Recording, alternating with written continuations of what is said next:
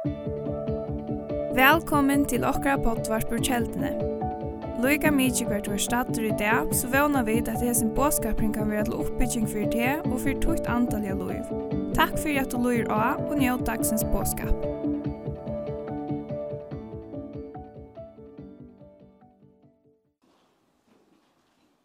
For 48 år siden så fikk min far, han var prester og karismatisk åndsfylt.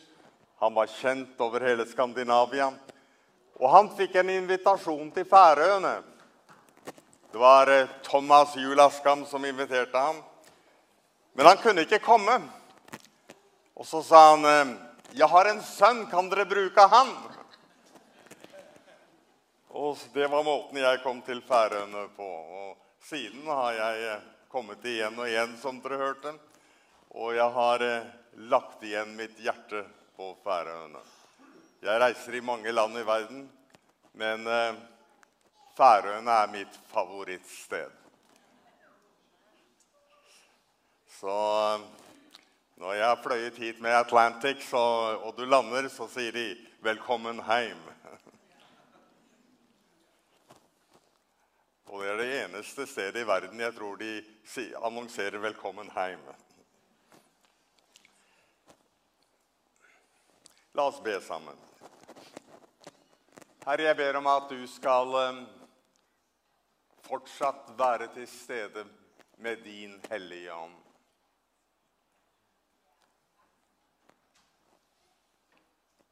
Herre, jeg bare erkjenner at hvis ikke du virker med din hellige ånd, da er det jeg sier forgjeves.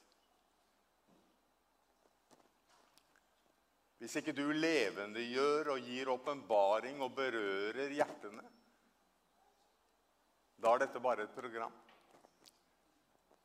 Så Herre, jeg ber om at du skal komme. Kom på en spesiell måte og levende gjør ditt ord. Herre, ta ikke din ånd ifra meg, men la meg få lov til å dele ditt ord på rett vis denne formiddagen i Jesu navn. Amen.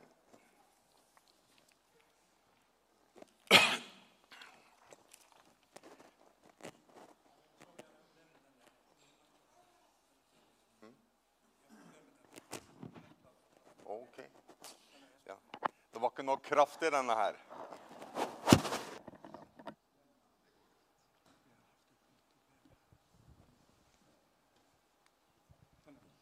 Vi får se om det er mer kraft i denne.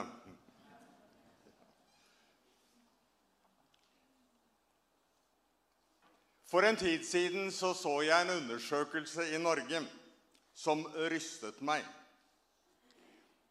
Det ble stilt et spørsmål til um, unge kristne.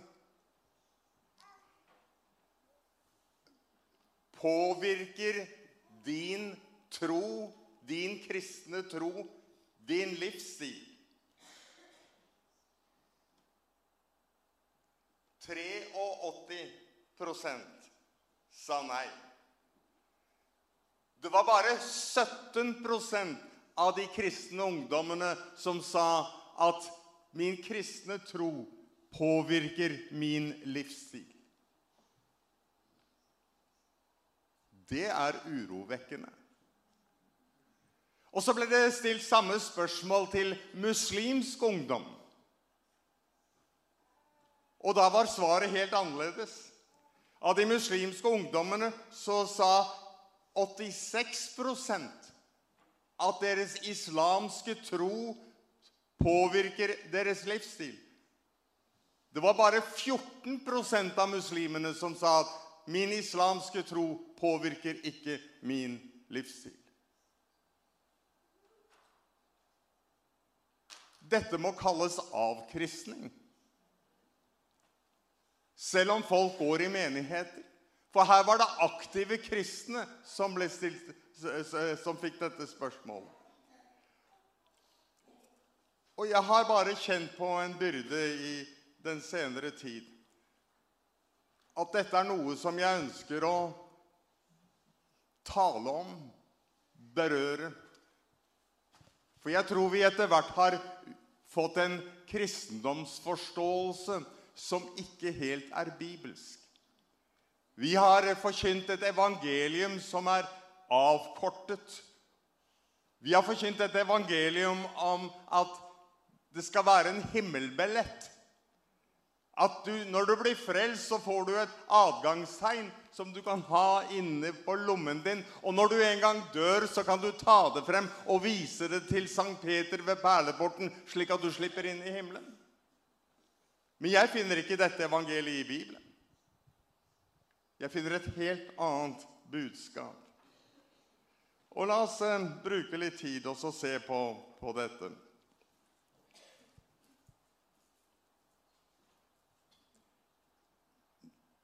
Jeg fascineres av, av skapelsesberetningen. I begynnelsen skapte Gud himmel og jord. Og så har vi det første kapitlet hvor Gud skaper. Og hvis du forsøker å se det for deg, Gud som skaper. Ja, hvordan skapte han? Jo, det står i salmenes bok. Han talte, og det skjedde. Han bød, og det sto der. Han talte, han skapte ved kraften av sitt ord. Da Gud hadde skapt universet, så ser han på det, og så sier han, «Jeg er herre over alt dette». Og så skapte han en liten galakse, vi kaller det for Melkeveien. Og så ser han på den og sier, «Jeg er herre over dette», over de millioner av stjerner i Melkeveien. Og så skapte han jorden, denne lille blå planeten, i et hjørne av Melkeveien. Og så sier han, jeg er herre over denne planeten. Og når du går gjennom det første kapitlet, så ser du at han skapte det ene etter det andre. Så sa han, jeg er herre over det. Men så gjorde Gud noe forunderlig. Han skapte menneske, han skapte deg, han skapte meg. Og han skapte oss i sitt bilde, står det. Og hva betyr det? Jo, at du er skapt i Guds bilde betyr at du er skapt til å ha fellesskap. Men hvis du skal ha fellesskap, så må du ha frihet.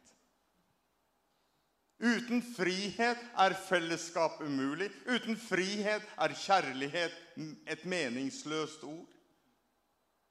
Så Gud var nødt til å skape deg. Hvis han ønsket fellesskap med deg, så måtte han skape deg som en liten skaper. Ja, du skaper ikke galakser og planeter, men hver eneste dag så skaper du ved å foreta valg. Hvor mange av dere har gjort et annet menneske glad noen gang? var bare halvparten av forsamlingen. Hvor mange av dere har påført andre mennesker sorg? Resten av dere er løgnere. Du er en skaper. Det er evige fotspor på denne jorden fordi du har levet. Du kan skape med Gud eller mot Gud. Du kan være Guds medarbeider eller Guds motarbeider. Gud ga deg denne friheten. Og så ser vi tragedien i første Mosebok, det tredje kapittel. Hvor Gud sa til mennesket, du har frihet, du kan spise av alle trær i haven. Men, tre mitt i haven kan du ikke spise av, for på den dag du spiser av det skal du visselig dø. Gud gav frihet. Men det måtte være lover for å hindre misbruk av frihet. Men har du en lov, så må det være en konsekvens hvis loven brytes, eller så er det bare et råd du får. Men mennesket falt og opplevet konsekvensen.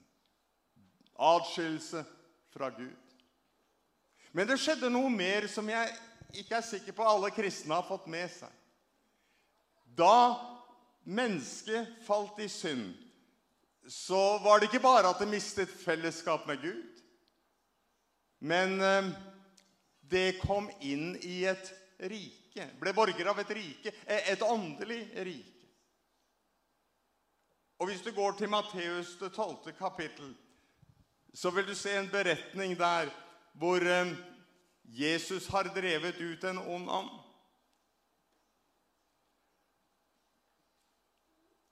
Og så begynner de å diskutere seg imellom ved hvilken autoritet og kraft han gjør dem.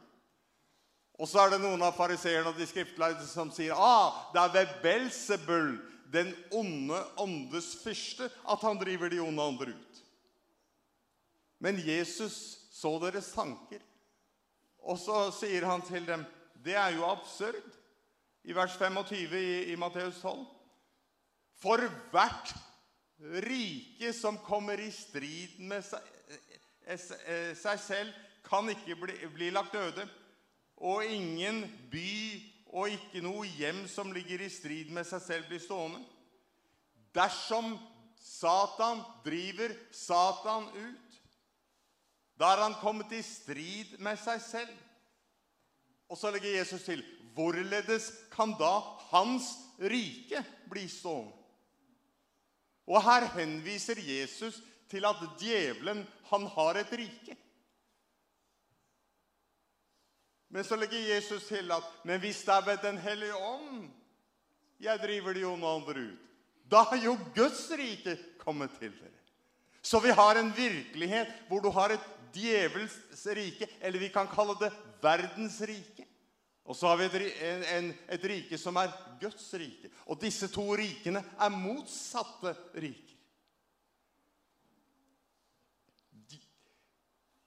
Vi ser mange steder i Bibelen hvor, hvor djevelen får en, en titel. I Efeserne 2 så kalles han høvding over luftens makter. I Johannes så kalles han denne verdens fyrste. I Korinthebrevet, denne verdens Gud. Han er herre over et rike. Denne verdens rike. Og det er jo slik at et hvert rike fungerer etter forskjellige lover. Jeg, jeg reiser i mange land, og jeg må passe på når jeg kommer til et nytt land, at jeg har en grunnleggende forståelse for lovene i landet så jeg ikke bryter dem. For de varierer fra land til land. Når jeg drar til Thailand, så kjører vi på den andre siden, venstre siden. Så da må jeg innordne meg under lovene i det riket. Og, og hvordan er det i verdens rike? Jo, det er mange lover. Jeg tror du vil gjenkjenne dem. Hvis noen gjør deg vondt, hvordan reagerer du? Jo, du blir bitter på dem. Du kutter dem ut. Hvis eh, noen eh, slår deg på det ene kinn, hva gjør du da? Jo, du, du slår igjen. Gjerne litt hardere, for det har han fortjent. Hvis noen svikter deg, kutt dem ut. Ha ikke noe med slike mennesker å gjøre. Stå på kravene dine. Krev din rett. Hvis noen hater deg, så kan hater dem tilbake. Hvis noen baktaler deg, jeg er sikker på at du kan finne på andre ting, negative ting å si om de også. Jeg tror du gjenkjenner. Dette er lovene i verdens rike. Og går du til kongen og spør, hvordan skal jeg leve i dette riket? Så sier han, Gjør det du har lyst til.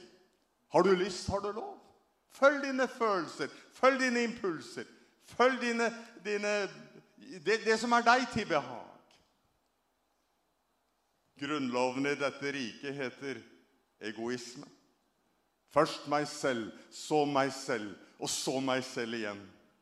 Og så min neste, men bare hvis det tjener til mitt eget beste. Egoismen sier min lykke er viktigere enn din lykke og Guds lykke. Og der hvor mennesker er fylt av egoisme. Hvis du var egoistisk, og jeg var egoistisk, og så skulle vi ha fellesskap med hverandre, hvordan vil det gå? Jeg vil være sammen med deg i den grad du møter mine behov. Du vil være sammen med meg i den grad jeg møter dine behov. Det vi egentlig gjør er at vi bruker hverandre, vi utbytter hverandre. Egoisme, det er jo det Bibelen kaller for synd. Synd er alt som har egoisme til drivkraft. Alt det som har egoisme som grunnleggende vesen. Og når mennesker lever, er borger av dette verdens rike. Og de lever i pakt med dette riket. Hva er resultatene? Jo, fremtiden, det er en evig avskilse fra Gud, det er en fortapelse. Men her på denne jorden, hva er resultatene? Jo, se der rundt, så ser du det. Det er nød, det er lidelse, det er fortvilelse, det er utbytting, det er fattigdom, det er krig, det er skilsmisse, det er håpløshet. Og i det fjerne er atskillelsen fra Gud der. Evig avskilse fra Gud. Jeg husker for en del år siden at min eldste sønn, som da var 17 år, fikk være med på en reise. Han hadde stått og vinket adjø til pappa hver gang pappa dro. Og noen venner hadde betalt flybilletten for han, som kunne få reise med meg til Asia. Født og oppvokst i Norge, Bare opplevd velstand og rikdom. Og så kom han til et helt annet sted. Og jeg tenkte jeg vil vise han noe som kan sette et spor i hans liv. Jeg tok han til eh, Manila. Et område i byen som heter Tondo. Og på det tidspunktet så hadde de en enorm bossfylling i byen. Det ble kalt Smoky Mountains. Fordi at bosse, søpple, det brant hele tiden. Og der ute på dette gigantiske bossberget, så bodde det mennesker. Flere tusen. De bodde i små hytter som de hadde laget av ting de hadde funnet. En blikkplate, litt plastikk. Der fødte mødrene sine barn. Der lekte de små barn. Mennene hadde en kurv på ryggen og en jernkrok i hånden. Og hver gang en lastebil kom og tømte mer bass, så var det som maur som vrimlet frem, og de grov i denne stinkende massen for å finne noe de kunne selge. Og arbeidet de hardt, så kunne de holde sulten fra liv. Jeg husker ved siden av denne bossfyllingen så gikk det en elv. Og det var en bro over elven, og jeg har mange ganger stått på den broen og sett. Og jeg har ikke vært i stand til å se hvor bossfyllingen slutter og hvor elven begynner. Der plasket barna og svømte i denne sykdomsbefengte mørja. Da min sønn så det, så så jeg på ansiktet hans. Og jeg kunne se hvordan musklene begynte å vibrere, tårene kom i øynene hans, og han så på meg, skrekkslagen og sa, «Pappa, dette er ikke sant! Pappa, dette er umulig!» Men jeg kan ta deg til mye verre steder enn en Smoky Mountain. Og venner, jeg forstår. Jeg forstår når mennesker ser noe av denne nøden og elendigheten i verden. Jeg forstår hvorfor de reiser sin stemme til protest og sier Hvordan kan det være en god Gud? Se på all, all den elendigheten som han har skapt. Men utsagnet er feil. For det er ikke Gud som har skapt det. Går du gjennom første Mosebok til første kapittel, så ser du at hver gang Gud skapte noe, så står det Og han så på det, og det var Det var godt. Han skapte mer, og han så på det. Det var godt. Og til slutt så står det, det var veldig godt. Men så skapte han deg. Han skapte meg. Og fordi han vil ha fellesskap med deg, så måtte han gi deg frihet. Fordi han vil ha fellesskap med deg, fordi han ville ha et kjærlighetsforhold til deg, så måtte han gi deg frihet.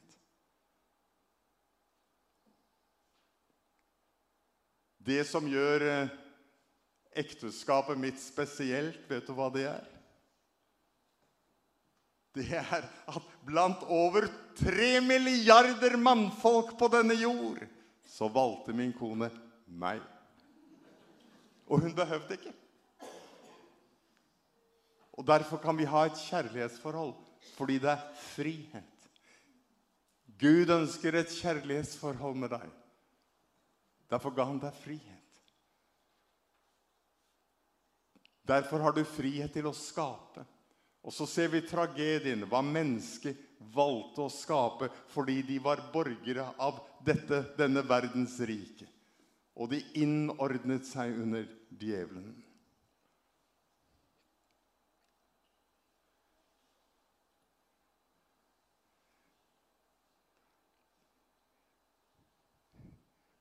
Verdens problem, det er at vi er i et nøtteskall, det er at vi er borgere av dette verdens rike.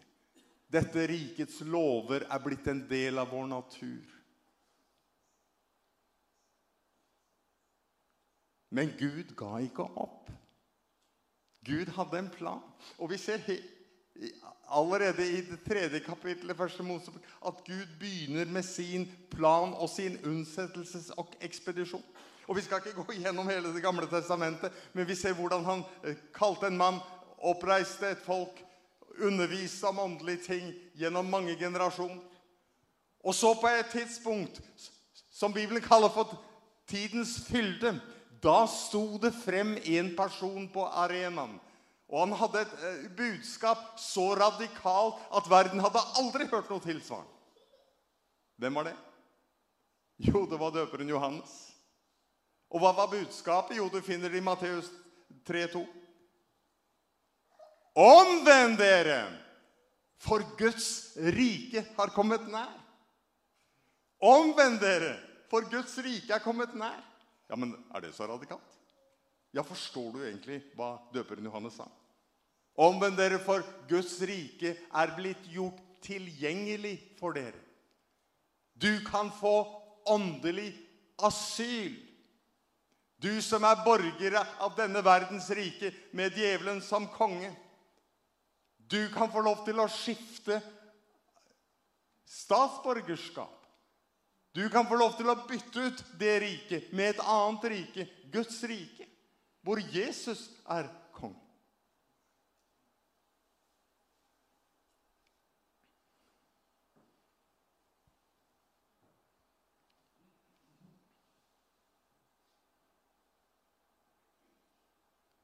Du syns kanskje ikke det er radikalt ennå? Ja, men skjønner du det egentlig? Jeg husker for en tid siden da jeg var i Nordkorea. Ute på landsbygda i Nordkorea. Det var ganske komplisert å, å få det til, men jeg kom nå dit. Et land som er forferdelig på alle måter. Bare det å viske navnet Jesus kan gjøre at du risikerer døden. Hvis noen finner en bibel hos deg, så blir du henrettet. Et forferdelig sted å være. Sult, underernæring, nød. Det eneste som har det noenlunde brukbart, det er noe av eliten som bor i Pyongyang. Men der er det bare eliten som bor, andre kommer ikke inn. Och sett att jag hade kommit ut där ett sted i, i Nordkorea. Och så hade jag stått fram och så sagt Nordkoreanske folk, menn og kvinner i Nordkorea, jeg har gode nyheter til dere. Omvend dere, for kongeriket Norge har kommet nær. Du kan få norsk pass. Du kan få norsk statsborgerskap. Tror du jeg hadde blitt populær? Folk ville gitt år av sitt liv for å få et sånt budskap. Du kan få lov til å bli borger av et annet rike med de forpliktelser og den beskyttelse som det innebærer. Du ser dem, alle som kommer over Middelhavet, fordi de ønsker å bli borger av et annet rike, et bedre rike enn det de kom fra. Det var dette døperen Johannes sa omvend dere. For Guds rike har kommet nær. Du kan få åndelig asyl. Hva er Guds rike for noe?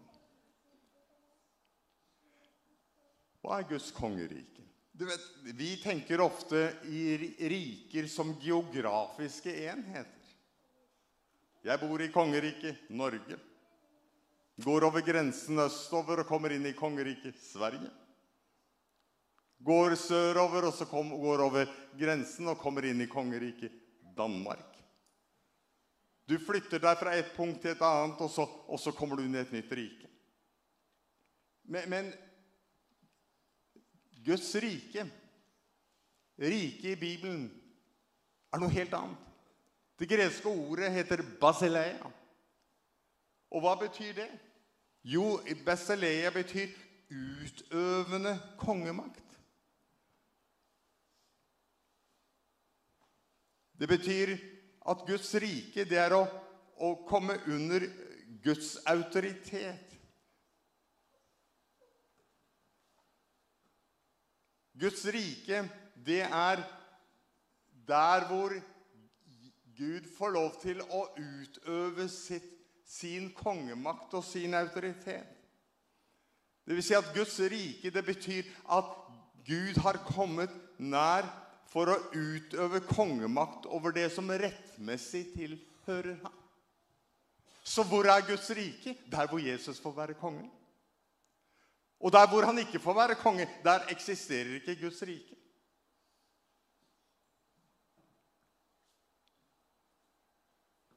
Guds rike er hvor Jesus er konge. Han er konge i universet. Men i relasjonen til mennesker så må du la ham være konge i ditt liv. Så hvor er Guds rike? Bare der hvor Jesus får lov til å utøve sin kongemakt.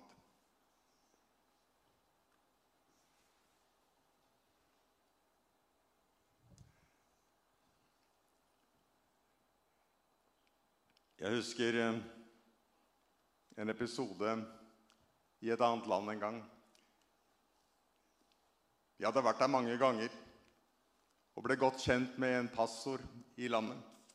Han ble en god venn av meg. Og så begynte han som forretningsmann i stedet. Og jeg hadde ikke sett ham på flere år, men så fikk jeg høre at han slet i ekteskapet sitt. Så da jeg kom tilbake til landet et par-tre år senere, så oppsøkte jeg ham, en gammel venn. Og jeg stilte ham spørsmål. Kjære bror, hvordan går det i ekteskapet ditt? Jeg, jeg hadde omsorg for ham. Han var en venn av meg. Vi hadde stått sammen i tjeneste mange ganger. Og jeg visste han hadde det vanskelig. Han ser på meg. Og så sier han følgende. Eivind, jeg vet ikke om jeg vil fortsette i dette ekteskapet. Jeg vet ikke om jeg vil fortsette. Hva hadde du svart?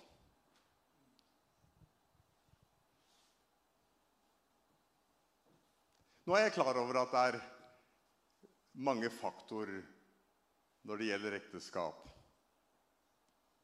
Min kona jeg har undervist om dette i mange år. Og vi var på skilsmissens rand i vår ungdom. Så jeg kjenner landskapet godt. Men i dette tilfellet, her har du en pastor som har sluttet å være pastor, men han er aktiv i menigheten. Han er en god venn av meg. Og han sliter i ekteskapet, og så sier han følgende, «Jeg vet ikke om jeg vil». Hva ville du da svart ham?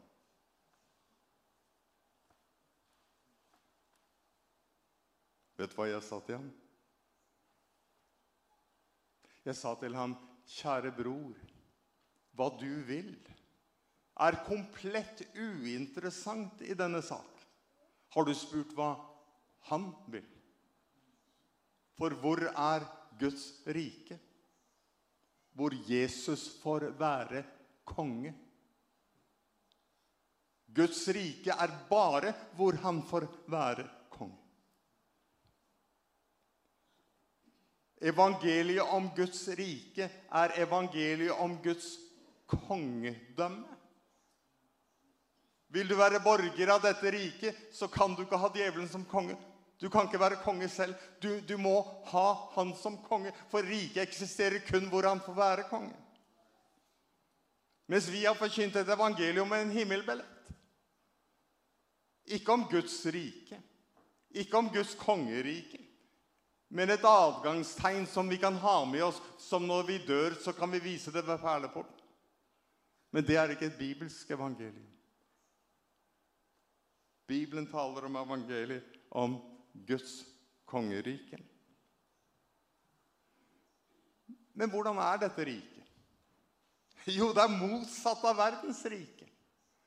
I Guds rike, hvis du vil opp, så må du ned. Hvis du vil leve, så må du oppgi ditt liv.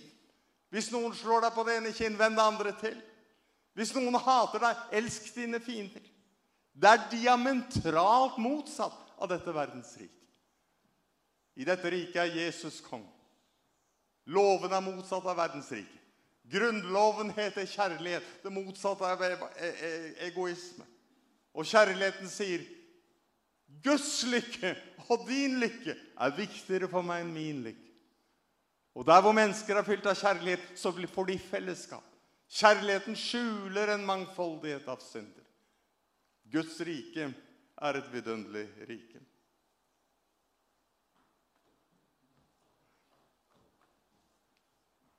Og du behøver ikke å reise noe sted for å bli borger av Guds rike. Guds rike kommer til deg. Du behöver inte betala något för att bli borgare av detta rike. Jesus betalte prisen.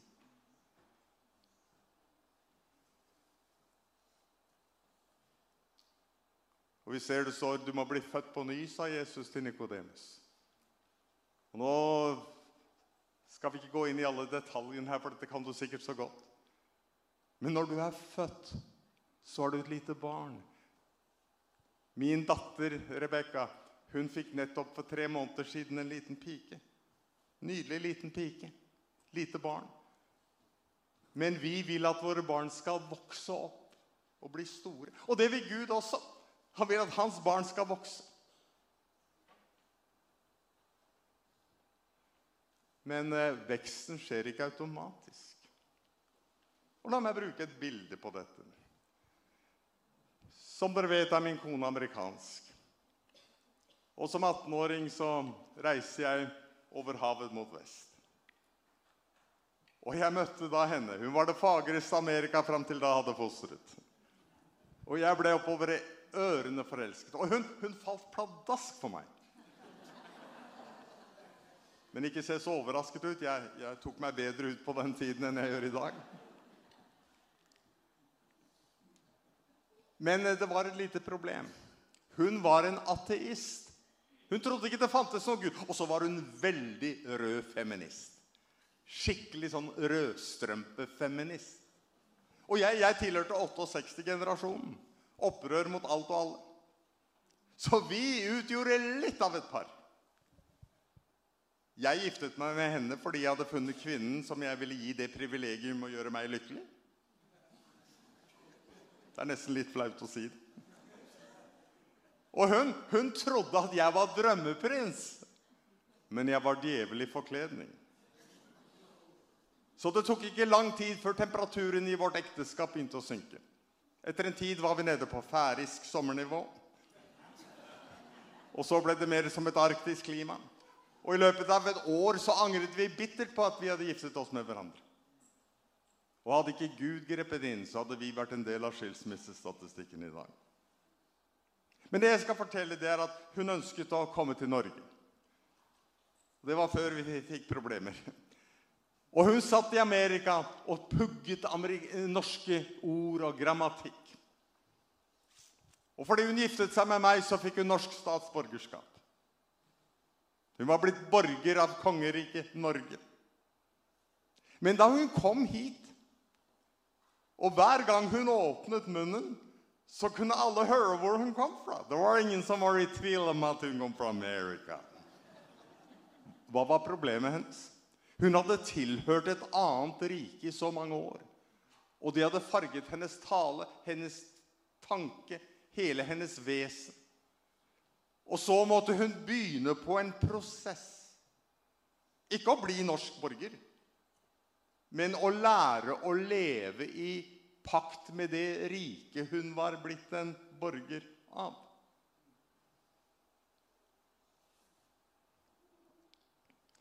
Hadde du møtt henne i dag, så ville du aldri gjettet at hun kom fra Amerika. Men det har tatt mange år.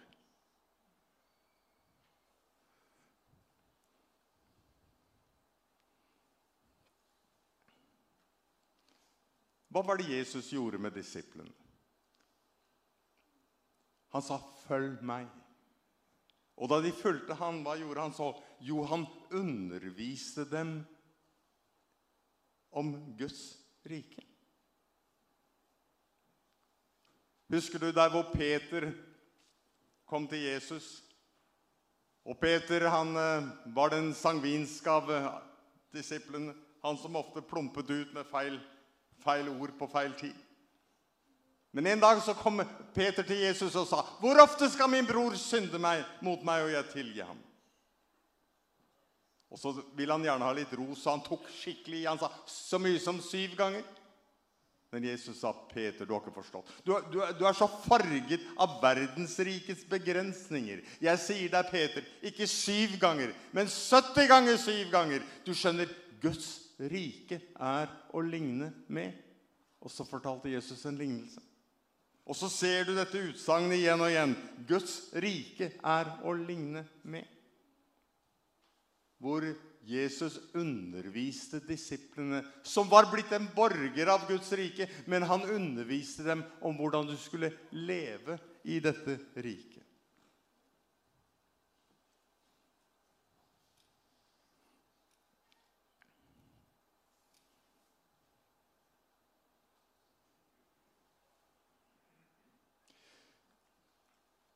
Men hva er det som skjer når vi blir kristne?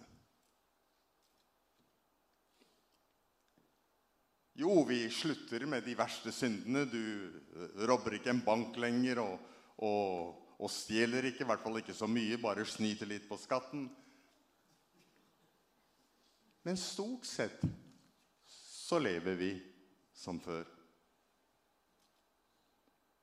Og det er ikke lett å se forskjell på på hvordan kristne og ikke-kristne lever i dag. Er det vel? Og, og, og det minner meg om noen folk jeg møtte da jeg kom til Amerika for første gang. Som 18-åring så fikk jeg flere uker i, i, i byen New York. Og jeg, kom inn i et område av byen hvor jeg plutselig ikke forstod noen verdens ting. For jeg hadde levet i den tro at i Amerika så snakker alle amerikansk. Men plutselig så kom jeg inn i et område hvor alle snakket spansk. Og så fant jeg ut at dette var et område hvor portorikerne bodde. De hadde kommet fra Puerto Rico og flyttet inn og laget noe som vi kan kalle en ghetto. Og der snakket de spansk. Alle restaurantene var som hentet fra Puerto Rico. Alle butikkene, alle, alle skilt, alt var på, på spansk. Men hvis jeg hadde gått og stilt spørsmålet til noen av de, du snakker spansk, ja, men spansk er ikke normalt i, i Amerika. Det er amerikansk. Så ville de kanskje sett på meg og si, å jo da, spansk er normalt, for alle her i gata snakker spansk. Alle i etasjen hvor jeg bor snakker spansk. Og hva er problemet? Jo, vi, vi vurderer rett og galt ut fra det andre mennesker gjør. Og det er dette jeg ser i menigheten i dag. At folk blir frelst. De har vært borgere av dette verdens rike. Og så kommer de inn i menigheten med masse bagasje, mange vaner, mange ting som er i diametralt motsatt av det det skal være i Guds rike. Men hvis ikke de får undervisningen som Jesus ga disiplene, om at Guds rike er annerledes, så slår de seg til ro. Og så kommer det andre inn, og så lager man små gettoer i menigheten, som egentlig er grupper av mennesker som lever inne i menigheten, men de lever på verdensrikets vis. Men Jesus er ikke herre, selv om de er medlemmer av menigheten. Og dette har med praktisk liv å gjøre. Dette har med hverdagen å gjøre. Jeg, husker for noen år siden at jeg skulle trengte noen materialer som jeg måtte få fraktet. Og jeg hadde ikke noen lastebil, men en venn av meg, han kjente en som hadde lastebil, og som drev et firma. Så han sa, jeg skal ordne det for deg, Eivind. Og så ble dette ordnet, og jeg sto sammen med denne vennen og holdt på med materialene. Og så kommer en bil kjørende opp. Och så säger min vän, han som kjører den bilen, det var han som eide lastebilen og som tok jobben for det. Så jeg går bort til bilen, og det sitter tre andre i bilen sammen med han. Og han ruller ned vinduet. Og jeg ser på han og sier, hvor mye skylder jeg deg for transporten? Han ser på meg og så sier, ja, du skal vel ikke ha noen kvittering, skal du det? Forstår du hva spørsmålet gjelder? Du skal vel ikke ha noen kvittering? Det han ønsket var at han ikke behøvde å gi meg en kvittering, for da behøvde det ikke gå via firma hans. Han kunne ta pengene rett i lommen, snyte på skatten. Mm. Hva skulle jeg svare på det? Hva er normalt? Ja, det er jo helt avhengig av hvilket rike du er en borger av.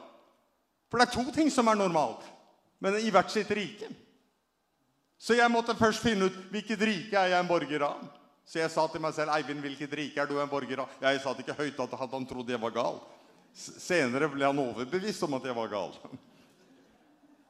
Men jeg er en borger av Guds rike.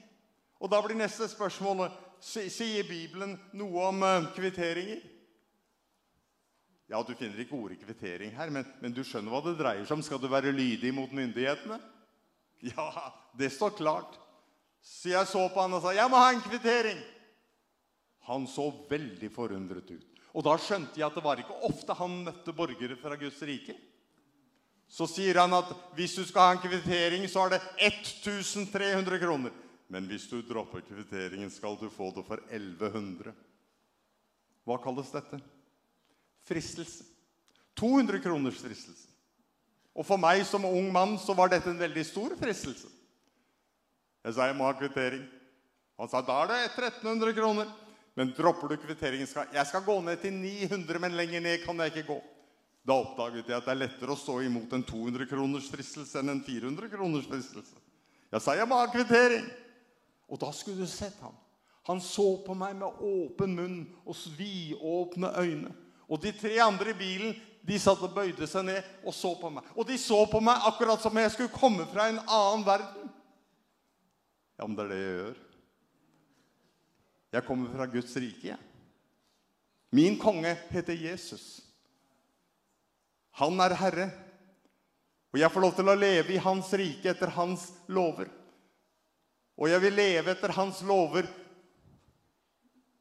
og ha han som Herre. Og hvis ikke jeg ønsker lovene i hans rike, så får jeg finne meg et annet rike.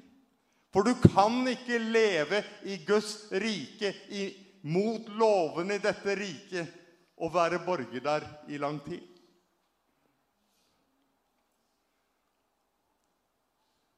Dette har med praktisk liv å gjøre. Hva med løgn? Lyver du? Er løgnen normalt? Ja visst. Men i vilket rike är det normalt? Vilket rike är du en borgare av? Baktalelse. Är det normalt? Baktalar du? I vilket rike är det normalt? Vilket rike är du en borgare av? Stjele, er det normalt? Ja visst. Men i hvilket rike er det normalt? Hvilket rike er du en borger av? Bitterhet. Er det normalt? Ja visst. Men i hvilket rike er det normalt? Hvilket rike er du en borger av? Pornografi. Er det normalt? Ja visst. Men i vilket rike är pornografi normalt? Vilket rike är du en borger av? Og listen er lang. Det er to forskjellige måter å leve på. En måte i verdens rike en annen måte i Guds rike. Og nå er det viktig å være klar over at du blir ikke en borger av Guds rike når du følger lovene i Guds rike. Min kone kunne sitte i Amerika og lære norsk flytende, lære alle norske lover og gå til ambassadøren og si «Jeg vil gjerne bli norsk statsborger. Hør hvor flink jeg er til å snakke norsk. Jag kan gå på ski som en vilken som helst eh, norrman. Jag kan baka norska kakor. Jag kan, jag kan leva på norsk vis. Ge mig statsborgerskap. Hva vil ambassadøren si? Nei, adferd gir ikke adgang til å bli borger i et rike. Hva måtte til? Jo, jeg måtte bli brudgommen hennes. Da fikk hun borgerrett som en gave. Og hvis du skal bli borger av Guds rike, så nytter det ikke å gjøre alle mulige ting. Jesus må bli brudgommen din. Du må akseptere han som herre og konge i ditt liv. Da får du borgerrett. Og når du har fått borgerrett, så skal du begynne å lære å leve i pakt med det rike som du har blitt en borger av. Men hvis ikke du vil leve i pakt med dette riket, så er det grenser for hvor lenge du kan kalle deg en kristen. For Jesus vil si, du, vil, du ikke, vil du ikke leve i pakt med mitt rike? Vil du ikke la meg få lov til å være utøvende konge i ditt liv? Hvis du lever etter verdensrikets vis, så får du, får du gå dit. For det er der du tydeligvis hører hjemme. For det finnes ikke mulighet til dobbelt, dobbelt åndelig statsborgerskap. Jesus er universets herre. Han har skapt alle ting. Han har skapt deg og meg. Han har en vidunderlig plan med ditt liv. Planen er ikke alltid lett, men den er rett.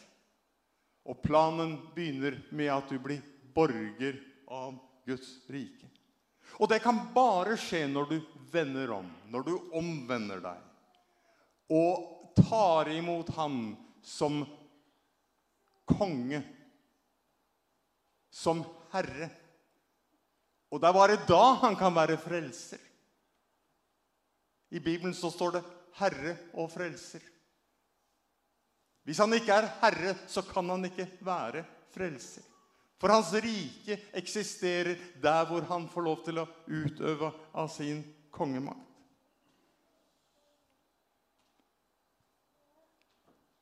Kanskje du kaller deg kristen. Men du har i praksis tatt styringen over ditt eget liv. Kanskje du kaller deg kristen, men du har valgt bevisst å leve på verdensrikets vis. Det går ikke.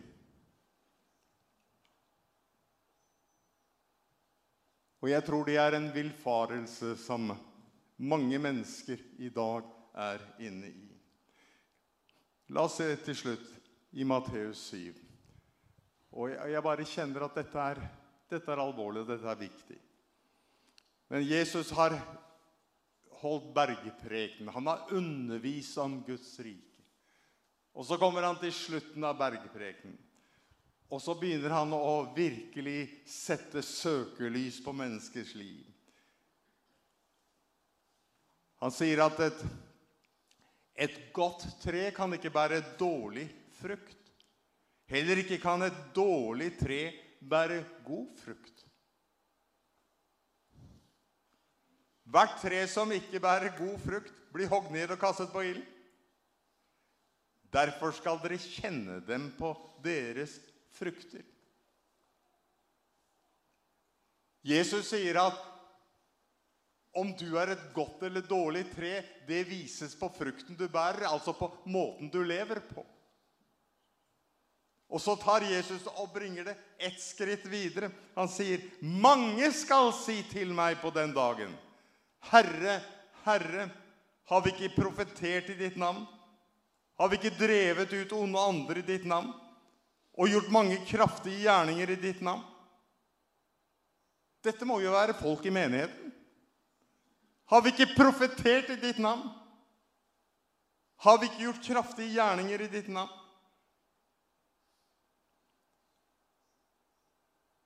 Men så sier Jesus, da skal jeg åpent si til dem, jeg har aldri kjent dere. Vik bort fra meg, dere som gjorde urett, dere som levde i urettferdighet.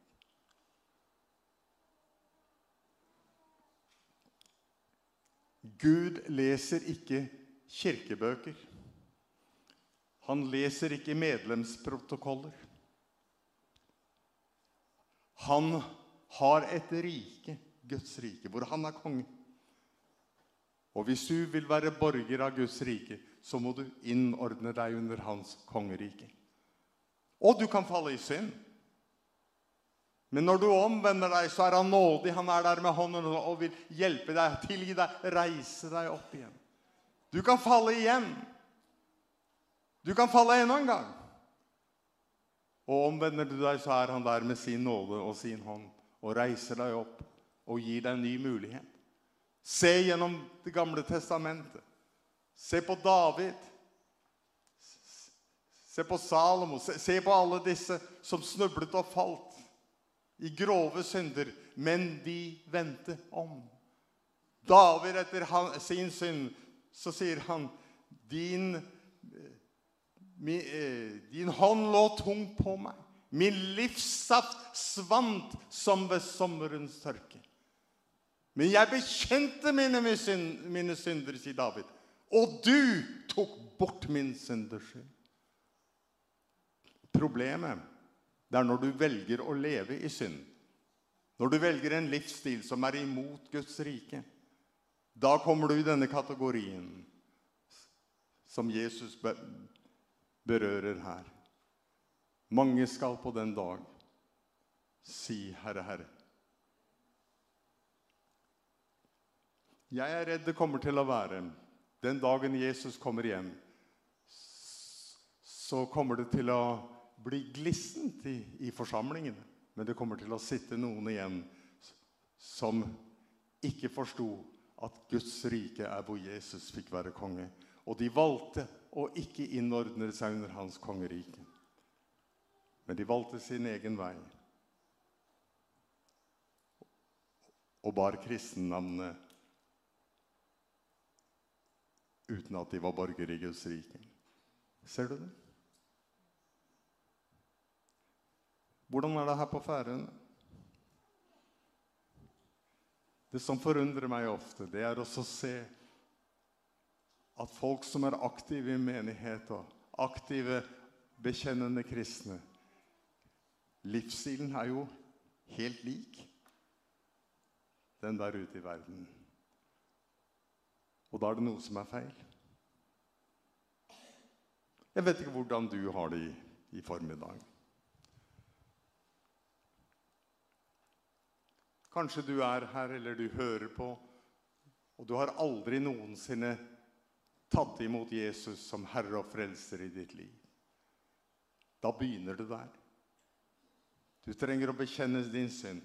Vende om fra dem og si, kjære Jesus, jeg vil vende om fra denne livsstilen. Jeg vil vende om fra disse tingene. Og jeg inviterer deg til å komme inn i mitt liv som Herre, som Konge, som Frelser. Da blir du født på ny. Og du blir borger i Guds rike. Du skifter statsborgerskap. Du får åndelig pass. Og da begynner en prosess hvor du kan lære dette riket å kjenne. Bibelen kaller det for vekst. Men eh, det kan hende at du er her, eller du hører på dette. Og du har vært kalt deg en kristen i mange år. Men langsomt så har dette verdensrikets måte å leve på begynt å prege deg. Langsomt har du kommet inn i en livsstil som bryter med Guds rike og Guds kongevilje. Da trenger du å omvende deg. Ennå er det ikke for sent. Du trenger å vende om og si, kjære Jesus, jeg ser at mitt liv har ikke vært i pakt med ditt rike. Jeg har levet i opposisjon til deg som konge. Tilgi meg. Jeg ønsker å ha deg som konge, slik at du kan være min frelser.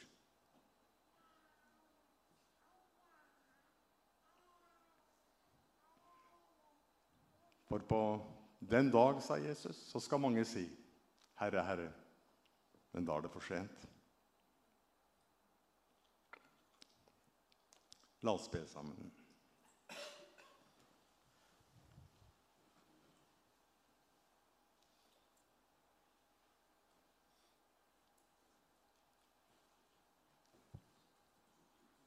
Far, jeg ber om at du skal komme med din hellige ånd og åpne våre øyne.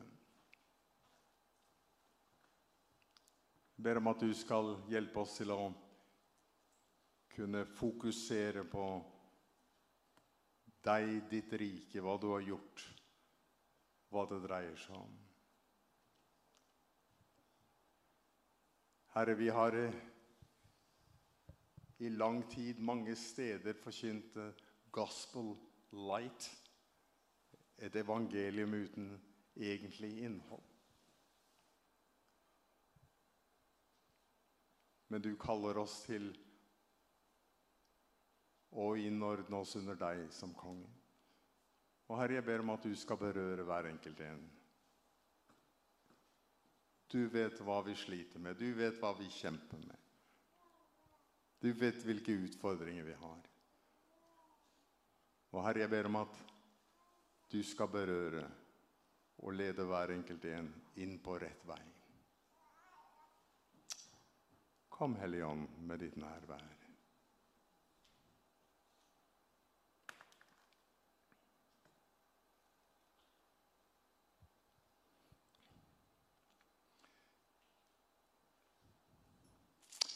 Jeg vil gjerne utfordre deg.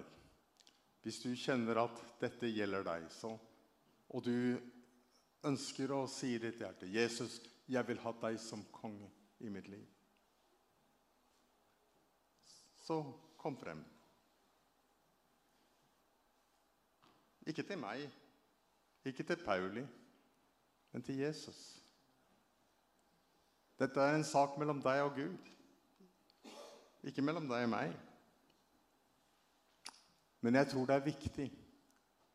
Hvis du kjenner på noen, og du ønsker å ta et valg i ditt hjerte, at du fysisk gjør noe for å stadfeste dette, da blir det mer konkret. Så kan du bare komme frem, og så kan du, med at du kommer frem, så sier du, jo, jeg vil ha Jesus som Herre i mitt liv. Og så har han helt sikkert vist deg noe som du skal slippe tak i. Noe som han ønsker å forandre. Og hvis det er noe du synes er vanskelig å forandre, så gå og søk hjelp hos en bror eller en søster. Jeg vet mange er bunnet av ting som pornografi og andre ting. Det kan være vanskelig å, å, å, å bli fri av det på egen hånd. Men uansett hva det er, så, så ta et valg. Kom til Jesus innordne deg under ham. Si, Jesus, jeg vil at du skal være kong i mitt liv. Uansett hva det dreier seg om.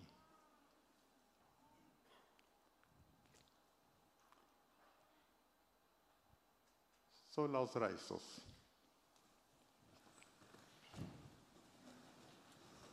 Vi skal ikke drøye lenge, men kom i Jesu navn. Hvis du kjenner at dette er noe som du trenger å gjøre noe med, Og det kan hende at du bare, at du bare kjenner på at dette har ikke vært klart for deg. Og at du har levet som kristen, men du ønsker å bare stadfeste i Jesus skal få være konge i mitt liv.